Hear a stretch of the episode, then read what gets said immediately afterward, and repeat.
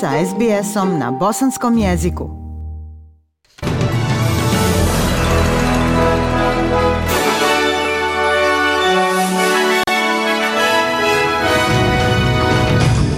U današnjim vijestima poslušajte. Savezna vlada tvrdi da je njena posljednja izborna obaveza u zdravstvu dokaz snažnog ekonomskog upravljanja. Papa na uskršnjoj misi govori protiv rata u Ukrajini i u sportu branitelji titule Melbourna pokazuju da su i dalje najbolji tim u AFL-u. Slušate vijesti SBS radija na Bosanskom. Savezna vlada promoviše svoju zdravstvenu politiku u predizbornoj kampanji kao dokaz snažnog ekonomskog upravljanja.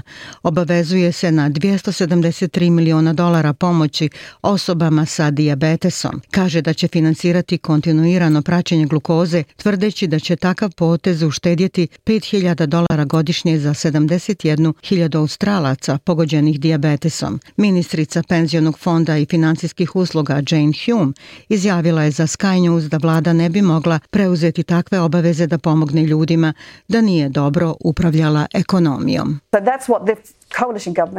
To je ono na što je fokusirana koaliciona vlada, pitanja koja su najvažnija za birače, njihova budućnost, njihovi životi i ono što im je važno, a zdravstvena saopštenja danas samo su dio toga. Bez jake ekonomije mi nismo mogli preuzeti obaveze prema zdravstvu koje imamo. Hiljade žrtava u Novom Južnom Velsu živjet u privremenim smještajima dok se ne oporave. Državna vlada će financirati 2000 domova u kojima se može smjestiti između jedne i četiri osobe u vrijednosti od 350 miliona dolara. Radit će s lokalnim vijećima širom Tvida, Bajrona, Belin, Richmond, Velija i Lismora kako bi ih instalirali, a prva potvrđena lokacija bit će u Volongbaru Baru kršćani širom svijeta obilježavaju uskrs. Papa Francis je u Vatikanu govorio na misi uskršnjeg bdjenja. Održat će misu na trgu Svetog Petra, a zatim predati svoju poruku i blagoslov poznatu kao Urbi et Orbi. Papa je iskoristio misu uskršnjeg bdjenja da progovori protiv rata u Ukrajini. Među prisutnima je bio i gradonačelnik ukrajinskog grada Melitopolj Ivan Fedorov, njegova porodica i trojica ukrajinskih poslanika. Papa ih je spomenuo u svom obraćanju završavajući tako što je prešao sa italijanskog na ukrajinski rekao ecco, Hristos Vaskrse. In questo orgoglio che voi vivete U ovoj tami u kojoj živite, gospodine gradonačelniče, poslanici, tami rata, okrutnosti, večera se svi molimo. Molimo se za sve vas i sa vama. Molimo se jer postoji tako mnogo patnje. Možemo samo da vam pružimo naše društvo, našu utjehu, molitve i da kažemo hrabro, mi vas pratimo. I također da vam kažemo najveću stvar koja se danas slavi. Hristos krse. και όχι Ιησούς Χριστός φως κρέσει. Nadbiskup od Canterbija iskoristit će svoje uskršnje obraćanje da osudi plan britanske vlade da preseli neke azilante u Ruandu. Poglavar anglikanske crkve Justin Welby kaže da je plan suprotan prirodi Boga. Visoki komesarijat Ujedinjenih naroda za izbjeglice također je osudio plan. Viši pravni službenik UNHCR-a Larry Botinik kaže da prethodno iskustvo slične politike u Izraelu pokazuje da je britanski pristup kontraproduktiv. Sullivan. Radio sam u Izraelu prije nego što sam došao u Englesku. Dobrovoljno su slali Eritrejce u Ruandu, Sudan i Ugandu i ljudi su otišli iz Ruande u roku od nedjelju dana. Tako da to ne spriječava krijumčarenje. Ono ga zapravo promoviše. Ukrajinski predsjednik Zelenski tvrdi da se svijet mora pripremiti za mogućnost da Rusija koristi nuklearno oružje u ratu protiv njegove zemlje. On kaže da se Rusiji jednostavno ne može vjerovati. I ne treba čekati Nema potrebe čekati na Rusiju da koristi nuklearno oružje. Svijet ne treba da čeka. Svijet se zato treba pripremiti na više načina, ali isto tako treba s njim razgovarati, potpisati papir, stisnuti njihovu ekonomiju da im to ne padne na pamet i mogu koristiti bilo koje oružje. Siguran sam u to, bilo koje oružje i ne možete im vjerovati. Zelenski nije dao nikakve konkretne dokaze za ovu tvrdnju.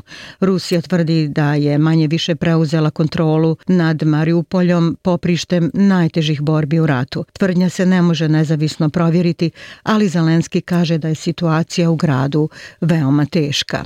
Desetine hiljada ljudi izašlo je na ulice Šri Lanke tražići ostavku predsjednika zemlje Gotabaje Rađapakse. Šri Lanka je sedmicama u protestima jer je suočena s ekonomskom krizom koju su obilježili dugotrajni nestanci struje i nestašica goriva i lijekova. Ova žena je domaćica koja je sa porodicom došla na proteste u blizini ureda gospodina Rađapakse u Kolombu. Došla sam ovdje da pokažem svoju podršku ljudima koji protestuju.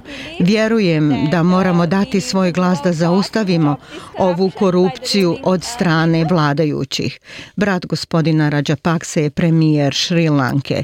Vlada je proteklih dana najavila da će obustaviti otplatu vanjskih dugova uoči pregovora s Međunarodnim monetarnim fondom o programu zajma.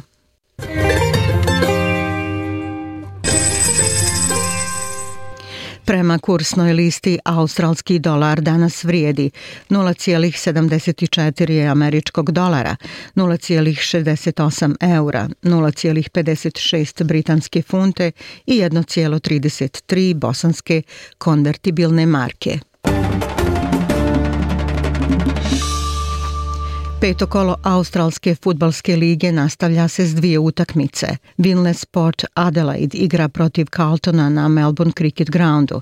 Nakon toga slijedi petoplasirani Fremantle koji pokušava postići svoju treću pobjedu zaredom u igri protiv Essendona na stadionu Docklands u Melbourneu. Sinoć je u Melbourne ostvario petu pobjedu iz pet utakmica 2022. razbijanjem Greater Western Sydneya. Trener Melbourna Simon Goodwin kaže da je napad njegove ekipe konačno mogao da upotpuni njegovu odbranu. Um, Branili smo se nevjerovatno dobro, ali imali smo periode u kojima nismo maksimalno iskoristili svoje prilike i večeras je bila borba i dobili smo rezultat koji smo tražili.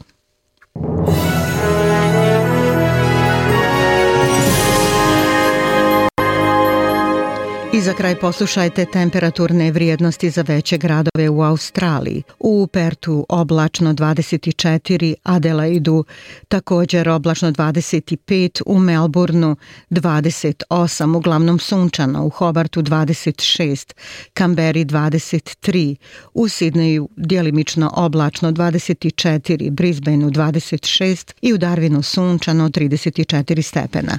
Bile su to vijesti SBS radija na Bosanskom. Ja sam Aisha Hadži Ahmetović. Ostanite i dalje s nama.